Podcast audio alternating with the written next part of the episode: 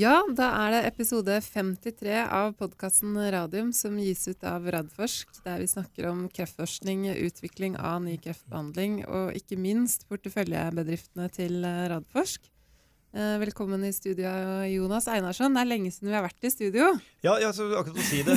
Jeg er faktisk veldig Hvor er alle deilig. folka som pleier å se på oss og klappe og sånn? Jeg syns faktisk det er ganske deilig å ja, sitte inne i vårt lille Lune-studio igjen. Jeg, nå har du dratt meg rundt til Kreftforeningen og Arendal og alle steder, så det å og attpåtil ha muligheten til å klippe hvis jeg sier noe dumt, det er, så, det er jo helt greit. vi pleier ikke å klippe. Nei, vi gjør ikke Vi pleier ikke å si noe dumt, det var det jeg holdt på å si. Det, det gjør vi definitivt. Um, det er godt å være i gang med, med ordinær pod podkast. Vi kommer til å ha innspilling på onsdager. Men uh, vi har en uh, hva skal man kalle for en ekstraordinær spesialsending med gjester i studio. Velkommen til uh, Per Valdai og Ronny Skugedal. Takk. Takk, takk. Dere er de mest populære mennene jeg har i dette studio, forutenom Einarsson. Veldig hyggelig å ha dere tilbake. Hyggelig å være Hver gang jeg legger ut på Twitter at dere skal komme, komme i studio, så er innboksen min full av spørsmål om PCI Biotech og hva som skjer. Er det, er det deilig å være så populær? Det er jo hyggelig at det er interesse ja. for selskapet. Det, det, høres ut som vi har samme innboks. for uh, men, eh, men, eh, fra spøk til alvor. altså på, um, på, fredag så sendte dere ut en børsmelding der dere henter inn 360 millioner eh, norske kroner. Og det skal dere da bruke for å kjøre studien på gallegangskreft. En sånn eh, studie het i markedsgodkjenning. Eh, og da legger vi ut på sosiale medier som Radforsk. Gratulerer, PCI Biotech. Men det har vi fått en del pepper for. Ja, eh, Spørsmål, kritikk. Eh, hvorfor gratulerer vi? Ja, Vil du har, si litt om det først, jo, Jonas? Vi har fått det. Jeg står ved mine gratulasjoner. Jeg syns dette er helt utmerket å gjøre denne fortrinnsrettsemisjonen både for selskapet, som nå vet at ved en viss dato i oktober så står det 360 millioner kroner på kontoen. Eh, og når de da har gjort opp for seg med garantien og, og, og det tilretteleggeren skal ha, så har de penger til å gjennomføre denne studien. Det er noe av det viktigste. Det er to store risikoer med vår type selskaper. og Det ene er finansiering, å komme fram til valide kliniske data. Og det andre er om dataene er gode nok. Eh, den siste er ikke fjerna helt enda, men den første risikoen er fjerna, og det setter vi som Radforsk, som investorer, stor pris på. Og så syns vi dette er svært aksjonærvennlig. Eh, en del av oss, inkludert Radforsk, har stilt en eh, garanti. Det får vi 3,5% for å gjøre. Det betyr at den risikoen vi tar, er at hvis det skjer noe, vi snakker om en måned, halvannet, fram til dette blir, eh, blir, satt, så kan det skje noe. Det kan komme nyheter fra verden der ute. Eller det kan skje noe annet med, med selskapets data som gjør at kursen blir fryktelig dårlig. Vi må allikevel betale, kjøpe aksjer for 5 millioner kroner av 30 kroner, og det er den risikoen vi tar. Så får vi litt betalt for det. Det er fint. Eh, et selskap som eh, denne nye spesialinvestoren Neuenburg, som da garanterer for et stort beløp, de har gjort en svær jobb med å sette seg inn i dette caset for å stille denne garantien. Og da sier at uh, uansett hva som skjer, så er de villige til å investere så stort beløp til denne prisen. Nå er det ikke sikkert de får noen aksjer. Og det er hele poenget med dette. Vi har da x antall aksjer i Radforsk. Vi får 0,48% tegningsrett per aksje, altså ca. én per uh, to uh, aksjer, som vi kan kjøpe for 30 kroner. Dette kan alle eksisterende aksjonærer gjøre i dag. Eller de kan kjøpe flere aksjer og få flere tegningsretter. Eller de kan selge aksjer nå for å da kanskje ha råd til å løse ut penger for å kjøpe aksjer til 30 kroner på de tegningsrettene de har igjen. Eller de kan kjøpe og selge tegningsretter. Så det er helt opp til hver enkelt aksjonær. Så jeg er ikke opptatt av om kursen er 30 eller, eller 35. Eh, fordi det er helt opp til den enkelte aksjonær hva man ønsker å gjøre. Så det, dette er den mest, i mine øyne, mest aksjonærvennlige, og gir da en sikkerhet for uh, at det er fullfinansiert ut denne studien. Så gratulerer. Står ved den. Vi står ved den. Men, men, eh, det med at dere henter inn penger i form av en fortrinnsretta emisjon, det har det vært litt spørsmål om. Um, hvorfor gjør dere på denne måten? Det er en ganske kompleks måte å hente inn, inn penger på. Ja, etter uh, vårt syn da, og generelt er jo en fortrinnsrettsemisjon den mest aksjonærvennlige emisjonen som finnes, som Jonas påpekte her i starten. Alle aksjonærene får uh, være med med sin prorata andel. Uh, man kan velge hva man gjør med tegningsrettene, og um, alle blir behandla likt. Mm. Slik at i en Av de um, finansieringsalternativene som finnes, eller de emisjonsalternativene som finnes, så er fortrinnsrettsemisjon den mest aksjonærvennlige mm. ja. formen. Men, men, skjønner aksjonærene det, dette, når, når, kursen går så mye ned, eller er det eh, Det skal vi jo ha nå, nå, er det, nå er det tre mennesker, menn her som ser litt sånn rart på meg. Nå skal vi jo ha, ha stor uh, respekt for, uh, for, aksjonærmassen og deres opptreden. Vi har jo over 3500 aksjonærer. Mm. Og i den uh, meldingen som kom på, på fredag, så er det som Jonas sier, at den store risikoen rundt finansiering er tatt ut. Nå skal riktignok dette godkjennes av generalforsamlingen den 14.9.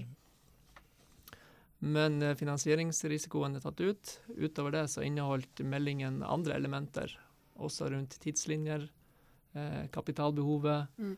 eh, data fra fase 1-studien, mer detaljer rundt kohort 4-data, detaljer fra extension-studien. Så eh, den enkeltes aksjonær opptreden ut ifra de, den informasjonen den det vet være, man jo ikke nei, noe om. Nei, det, det er jo opp til den enkelte. Men sånn ut ifra rent emisjonsståsted, uh, så er fortrinnsrettsemisjonen den mest aksjonærvennlige. Ja, så bra. Det er, ikke, det er ikke bare bare og enkelt å ta alt det inn over seg umiddelbart, hvis du er en uh, aksjonær og ikke en spesialistinvestor.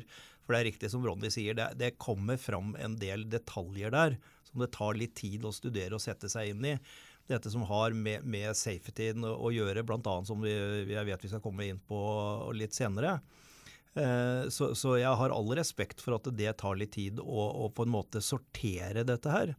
Men siden jeg tidligere har eh, hatt mine disputter med en herværende analytiker eh, om eh, enkelte analyser tidligere, så må jeg jo si at eh, Susanne Støffers i, i Arctic i går kom med en oppsummering av hva dette innebærer, som er eh, helt fortreffelig. Det er nøktern, fin gjennomgang av hva som blir opplyst når det gjelder safety og disse andre litt tekniske tingene. Og da det understreker dette med at, eh, at det er opp til aksjonæren selv om man vil bli vant ut eller, eller, eller være med. Mm. Hvorfor kan man finne den? Jeg har plukket, plukket den fra en, en, et herværende forum. Som Nå må du slutte å si 'herværende'. Nå må du snakke norsk.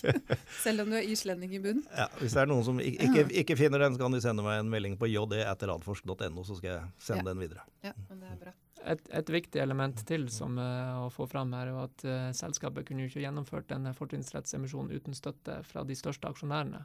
Så det er jo en styrke for selskapet, ja. og noe som vi setter pris på. Mm. Ja, Dere har gode og solide aksjonærer i ryggen. Eh, men jeg har lyst til å snakke litt om eh, den nye internasjonale investoren. Eh, Neuenburg. Neuenburg. Det er sånn man uttaler det? Jeg tror det. Ja. Um, altså Som jeg har skjønt, så er dette en spesialistinvestor. Hvor, hvor, vanlig er det å få med en sånn fra, som kommer inn i, i Norge og, og, og gi, altså ta, altså investerer i et lite norsk biotekselskap? Det er ikke veldig vanlig, det er det ikke. men det er ikke helt uh, uhørt heller. Det har jo vært tidligere case med bl.a. Algeta hadde jo mange store spesialistinvestorer som var inne. Targovax har også noen mm. som er inne. Sånn at det er, det er, uh, det er ikke helt uvanlig. Uh, men at det, det er første gang inn, for dere? Det er første gang for oss, ja. det stemmer. Mm. Uh, men at de kommer inn som en garantist i en fortrinnsrettsemisjon der de egentlig ikke har noen uh, sikring på at de kan få aksjer, det er, det er, litt spesielt kanskje, og ikke så vanlig. Mm. Men har jo, vi har hatt mange møter med Nyenborg og diskutert teknologi og holdt dem oppdatert over lang tid. Mm. Og det er ofte sånn man må håndtere disse spesialistene, for de skal ha en grundig gjennomgang av hele selskapet og data og planer før de eh, går inn og, og, er villige til å være med og investere på noen mm. som helst måte. Så sånn som jeg skjønner deg, så er jo dette her på en måte et kvalitetsstempel? Det, At de kommer inn nå på denne måten uten å ha noen garantier? Det ser vi eh, det som, absolutt. At det mm. en, eh, mm. at siden det er en spesialist som er eh, da spesialisert på akkurat healthcare-investeringer, og har personale som sitter, altså eksperter som sitter og går igjennom case og velger ut case ut fra det som finnes internasjonalt å velge mellom, så er jo vi veldig glad for at de har vært villige til å velge oss. Mm. Så bra. Har du kommentar? Ja, altså det, er bare, det, er jo, det, er jo, et veldig tydelig signal fra de. Mm. De, de gjør ikke dette for å, å tjene 3,5 eh, av det garantibeløpet. Det er ikke et veldig stort beløp for et selskap eh, som Neuenburg. De gjør det for å signalisere at de ønsker å bli en investor og en eh, medeier i PCI Biotech. Eh, og så er det jo ganske vanlig at det blir en del tegningsretter til overs i en sånn emisjon. Og det vil jo gi dem eh, muligheten til å, å komme inn eh, på dette stadiet. Mm. Og så blir det jo spennende å se da, hva de sitter igjen med eh, etter dette, og om de fortsatt er, er interessert i å, å, investere, hvis ikke de føler at de får nok i det. Men jeg er veldig enig med Per. De ser på så mange case. De bruker lang tid før de engasjerer seg i et selskap. Mm. Og i dette tilfellet så var det denne måten de kunne engasjere seg i, fordi selskapet ønsker å kjøre emisjonen som en fortrinnsrettsemisjon. Mm. Men, eh, men, Per, du har jo vært i, i PCI siden, siden oppstarten. Eh, siden det ble spunnet ut av, av Photocure. Altså det, det, som skjer nå, hvor stor milepæl er det for selskapet, sånn sett historisk sett? Det er en, jeg vil klassifisere det som veldig veldig høyt opp uh, milepælsmessig. fordi at nå har vi faktisk finansiering, som, jo, som Jonas sier er en av de største risikoene du har i denne type selskaper, til å gjennomføre en pivotal studie, altså en studie som kan gå helt i markedsføringsgodkjenning. Og det er ikke eh, hverdagskost for små biotekselskaper å ha. Så dette vil jeg klassifisere som en stor milepæl. Mm. Kan dere gå litt, litt inn på, på finansieringen og, og, og tid? Eh, ja, med, med, med, denne finansieringen nå, hvis man nå følger de tidslinjer som er satt om inklusjoner, går omtrent som forventet, Eh, så har man eh, etter en eh, viss tid, jeg tror dere har sagt 36 måneder fra nå, en, en avlesning som kan føre til Uh, og, og, de pengene hentet inn nå, på en måte, hvor langt regner dere med at de holder? Uh, og Er det da forutsatt at det er interimanalysen som gjør at man går til registrering? Uh, og, og, tidsaspektet på det i forhold til pengene? Ja, Det er som du sier, en interimavlesning. Vi har jo fått i diskusjoner med både FDA og EMA beskjed om at det vil være mulighet for å få godkjenning mm. basert på en interimavlesning. Uh, og den kommer da, som du sier, 36 måneder, altså tre år, fra start av studien. Da er avlesningen ferdig. Da foreligger analysen. og hvis den analysen er god, så søker man jo da de resultatene tilsier at man kan gjøre det, så søker man jo da godkjenning på, basert på, på, den analysen. Ja. Og pengene de strekker til den, det punktet og forhåpentligvis litt til frem til submission av en regulatorisk file. Nettopp. nettopp. Det, det, er veldig fint å ha, ha, tydelig. Og når vi da snakker om disse 36 månedene, som da er tre år, så kan det høres lenge ut, men i vår verden er det ikke lenge. Eh, men eh, da er det, bare så vi har det helt klart, det betyr at fra man starter studiet, så regner man en viss tid på å inkludere et visst antall pasienter, eventuelt alle pasientene. Mm. Der er jeg usikker, så det må dere svare på. Og så er det en oppfølgingstid som kommer fra den siste pasienten dere skal ha med i avlesningen, er mm. inne. Mm. Og når den er oppnådd, så er det en ny tid som er analyse av data. Mm. Sånn at det, det, er liksom Altså, det tar ikke Vi skal ikke følge pasienter i tre år. Det er, det er, den er delt inn i disse helt nødvendige kapitlene for å komme fram til det endelige resultatet etter 36 år. Det er riktig. Eh, måter, måter. klipp, klipp, klipp, klipp. klipp. det skal vi laste opp. Skal vi kjøre sånn loop? Nei, ikke gjør det. 36 måneder. Ja, nei, altså det er, det er, frem til den analysen. og Som du sier, det er jo inklusjon av pasienter. Dette er event-drevet. Dvs. Si man venter til man har oppnådd en viss antall såkalt progression uh, free survival uh, events. ikke sant? At det er progresjon eller, eller uh, at de pasientene har gått bort i løpet av den perioden mm. til et visst antall event. Og når det er det, så åpner man opp, og så ser man på hvor mange er det som det har skjedd med i den ene gruppen versus den andre gruppen. Hvor stor forskjell er det? Og er dette godt nok til å få en godkjenning? Ja. Det er sånn det, gjør, det gjøres, altså.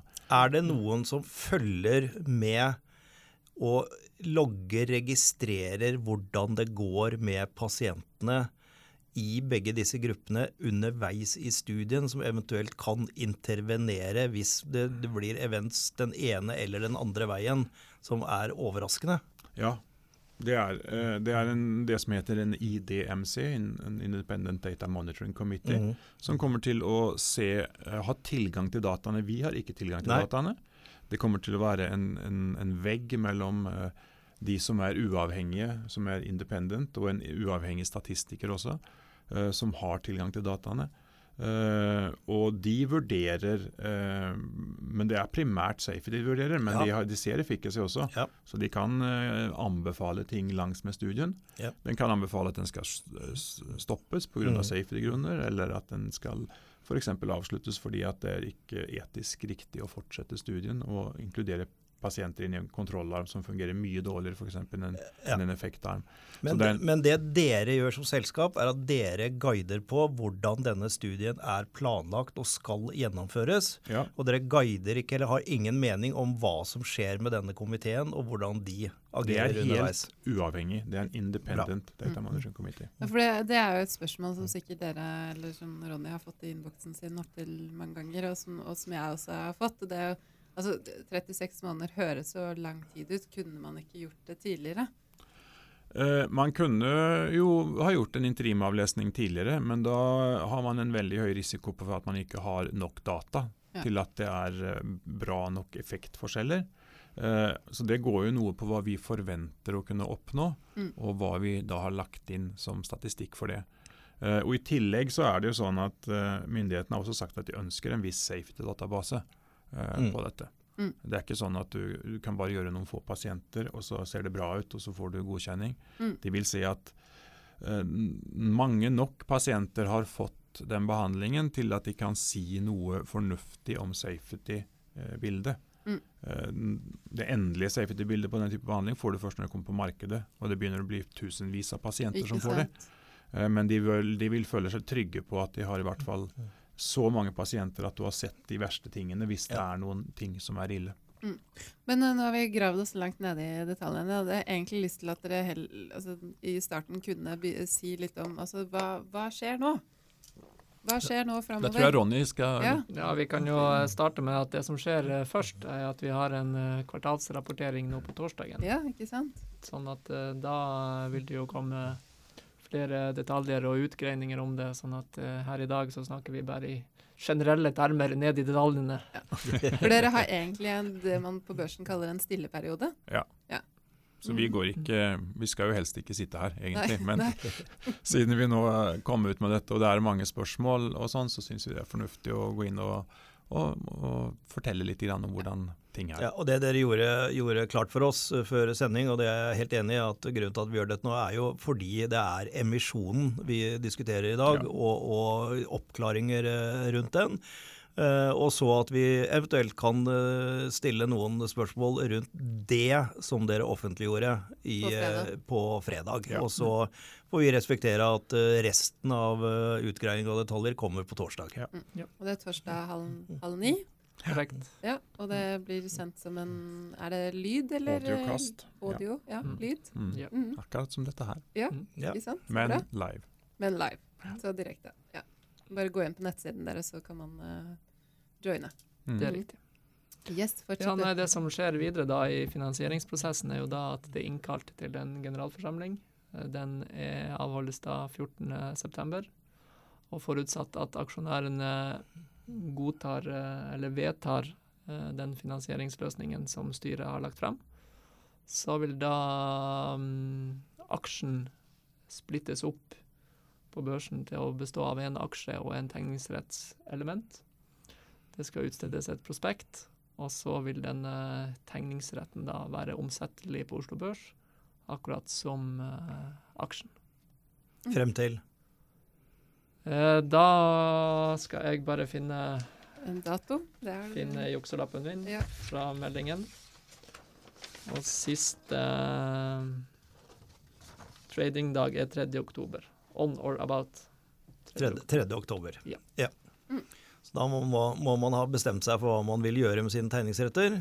For når, hvis det blir den 3. oktober, børsslutt 3. oktober, sitter du på noen tegningsretter da, så er de verdt null. Det er riktig. Ja. Så da må man vite hva man gjør med tegningsrettene sine. De forfaller på en måte? Da. De forfaller, ja. ja. Mm. Så må man enten ha solgt dem eller brukt dem. Ja. Det er en oppfordring til alle som er aksjonærer da per generalforsamlingsdatoen, og forutsatt at generalforsamlingen vedtar emisjonen, og aktivt ta stilling til tegningsretten. Ja. Mm. For det er jo et spørsmål som kanskje noen uh, lurer på. Hvilket tidspunkt er det man får tegningsretter basert på aksjene, aksjeinnehav på? For nå driver man jo selges, selges jo kjøpes aksjer hele tiden. Ja. Det er siste dag eh, for dette er generalforsamlingsdatoen den 14.9. Mm. De som eier aksjer den 14.9, vil bli tildelt tegningsretter 0,48 per aksje de eier. Ja. Og det utstedes da opp til 12 eh, millioner. Mm. Ja. Men uh, da kan vi ta de spørsmålene vi har fått uh, akkurat om dette her. fordi Uh, en ting som har gått igjen uh, i min innboks, er altså hvorfor det gis så stor rabatt og tegningskurs på, uh, på 30 kroner. og så er det en som viser til at kursen deres har jo vært mellom 42 og 61 kroner. Ja, da skal vi prøve å holde oss på et høyt nivå. Ellers så er det fort gjort å gå seg bort i detaljene. Gå seg vill i finansene her. Yes. Ja. Men uh, hvis vi tar teorien først, da. Så dagen før vi annonserte dette her, så hadde PCI Biotek da en aksjekurs på ca. 53 kroner. Mm. Det vil si at vi hadde en markedsverdi på ca. 1,3 milliarder. Så annonserer vi at vi har en uh, finansieringsløsning på plass med 360 millioner. Uh, de 360 millionene vil da bli fordelt på 12 millioner nye aksjer. Så da må man legge sammen summen av 1,3 milliarder før annonsering pluss de 360, og dele på antall aksjer vi hadde før, som var ca. 25 millioner, pluss de 12 millionene nye vi utsteder. Det så dette her er ren matematikk? Dette er ren matematikk. Mm. Ah, pluss, plus og minus og deling. Og dette regnestykket gir da en ny teoretisk verdi på ca. 45 kroner ja. på aksjen. Mm. Mm. Det er rett og slett fordi at uh, markedsverdien har gått opp med de 360, og vi har utstedt flere aksjer. Og den matematikken gir da uh, 45 kroner mm. per aksje. Så vil uh, da, som vi snakka om i stad, denne aksjen splittes opp i en aksje og en tegningsrett. Da vil en del av verdien på de 45 overføres til tegningsretten. Og den vil være forskjellen mellom de 30 kronene som er satt som tegningskurs, og de 45. Så i teorien så vil tegningsretten ha en verdi på 15 kroner. Og 7,5 per aksje. Riktig. Fordi du får 0,48. Så det, det, det, ikke sant? Nå, nå, gjør du det enda litt mer teknisk, men det, det ja, er riktig. Jo, men det er viktig å se det sånn at uh, med dette regnestykket så vil en, en kurs i dag på over 37,5 egentlig være et pluss i forhold til det.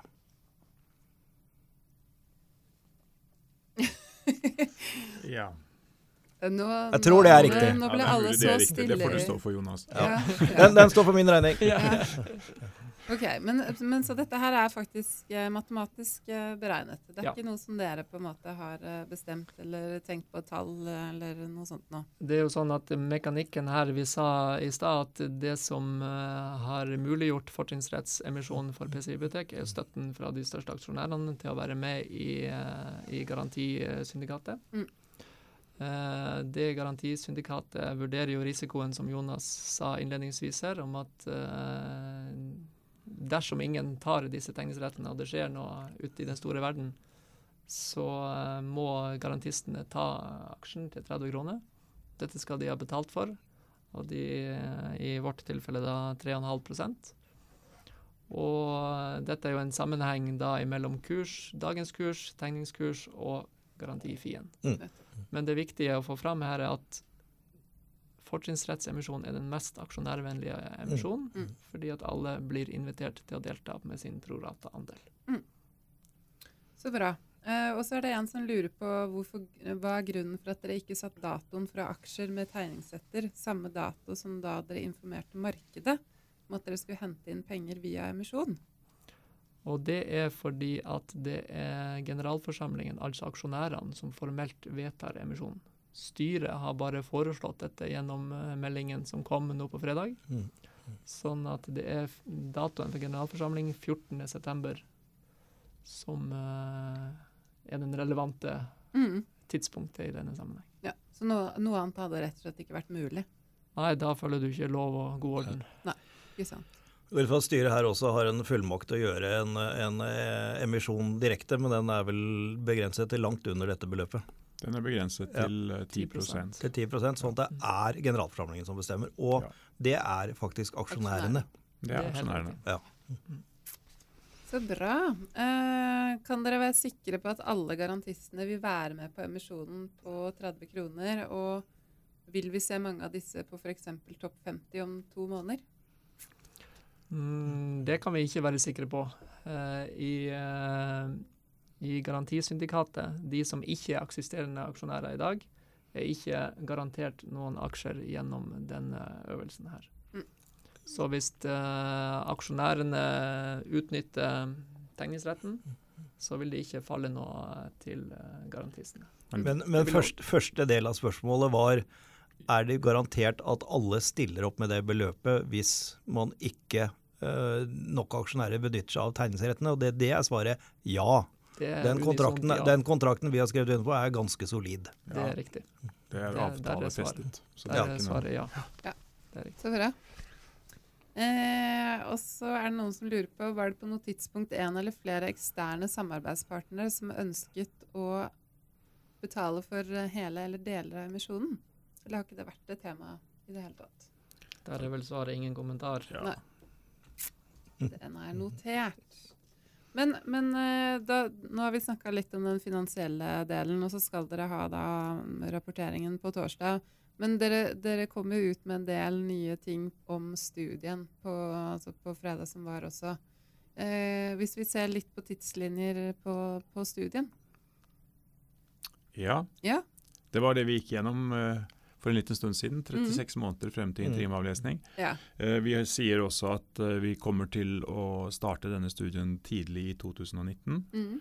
Eh, og vi kommer til å komme tilbake til litt grann bakgrunnen for disse justeringene og hva det innebærer på Mm. kvartalspresentasjonen. Men jeg tror ikke jeg skal gå inn så mye på Nei. årsaksforhold og, og hva som ligger bak det her. Nei, for Et av spørsmålene vi har fått, er jo hvorfor oppstarten er litt forskjøvet. Men det vil du Mm. Det ikke kan vi ikke ta her, det må Nei. vi ta på kvartalspresentasjonen. Mm. Eh, det er mange som har lurt på det her med inklusjonshastighet også. Er det også noe som må ventes? Ja, jeg tror vi skal vente litt med det også, eh, Mm. og komme tilbake til det på Ja. kvartalspresentasjonen. Mm. Eh, sikkerhet, du var litt inne på det. Sikkerhet i hvilken uh, Du tenker på safety i forhold til Jeg bruker Ja. ordet safety, ja. Sikkerhet ja, er så veldig mye annet, syns jeg. Men, er det eh, noe bedre norsk, norsk ord enn egentlig sikkerhet? ikke. Safety? tror jeg. Uh, men tolerabilitet og, og sikkerhet. uh, vi har vi meldte at vi har hatt fire som har gått igjennom to behandlinger, og vi har Mm. ikke fått noen rapporter om ting som gjør at vi tror at det skulle være noen grunn til å begrense det til én behandling. Mm. Så det er vel det jeg kan si. Ja, og da sier dere at dere starter denne studien med opp til to behandlinger. Det Og så, så vil det vise seg underveis. Og det kan jeg jo forklare litt. grann, For Ja. den type uh, behandling som vi gjør, blir jo nå en syklisk behandling. Du gjør to behandlinger. Akkurat som når du gjør en standardbehandling med gemstabin og cisplatin, så er det Ja. flere sykluser. Uh, og den måten man gjør den type studier på, det er jo at det blir sånn som det blir i real life. Pasienter har eh, effekter av forskjellige ting, av både sykdommen og av andre behandlinger osv. Uh, og så tåler de ikke alltid å få eh, hele syklusen. Altså kanskje begge behandlingene. Så i real life så vil nok en del pasienter få én behandling, Og ganske mange pasienter får to behandlinger av forskjellige grunner. Mm. Uh, og Sånn vil det også da være i studien, for studien skal være så real life som mulig. og Derfor sier vi opp til to behandlinger. Så målet er to behandlinger, men alle pasienter som er inkludert i studien, de teller i studien. Ja. Og Vi har svært gode resultater fra dose uh, escalation-biten her på én behandling. Ja. Så vi er ikke noe bekymra for det, for så vidt. Nei, nei. Dette er en veldig viktig avklaring. For, for poenget er at man, alle pasientene starter med en behandling. Og hvis det ikke skjer noe, og det som kan skje, er at de reagerer veldig på kjemoterapibehandlingen. De er ikke, rett og slett ikke formt til å, å, å få den uh, neste runden. Uh, men uansett så er de med i studien, og målsetningen er da to behandlinger. Men om de får én eller to, så er de like forbaska en del av studien og en del av datagrunnlaget. Så dette er ikke noe uavklart i dette lenger. Nei. Det er viktig å få fram. Mm. Så bra. Folk er jo forskjellige, og folk reagerer jo på forskjellige ting. Det, det vet vi jo, så det er jo ikke noe, det er ikke noe grunn til at dette her skulle være annerledes enn en, en andre ting. Um, skal vi se. Eh, det er flere som har spurt om det er aktuelt med asiatiske sites, men det er kanskje noe dere heller ikke Det får vi heller komme nå. tilbake til, tror jeg. Ja. Ja. Vi har ikke, sånn, vi har ikke meldt noe annet enn at vi også vurderer det. Det, det blir en eh, spennende, eh, spennende torsdag, tenker jeg, for mange av eh, våre lyttere som lurer på veldig mye rart. Ja. Driver litt reklame for, dere, for deres rapportering. Men um, siden sist så har dere også inngått et uh, preklinisk forskningssamarbeid innenfor immunterapi med Bavarian Nordic. Kan dere ikke si litt om det, da? Det kan vi si litt om. Ja, så bra.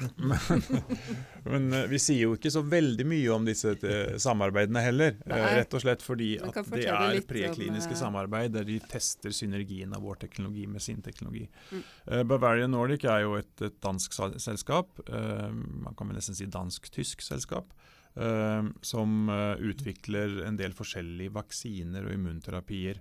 Både innenfor infeksjonssykdommer og innenfor kreft.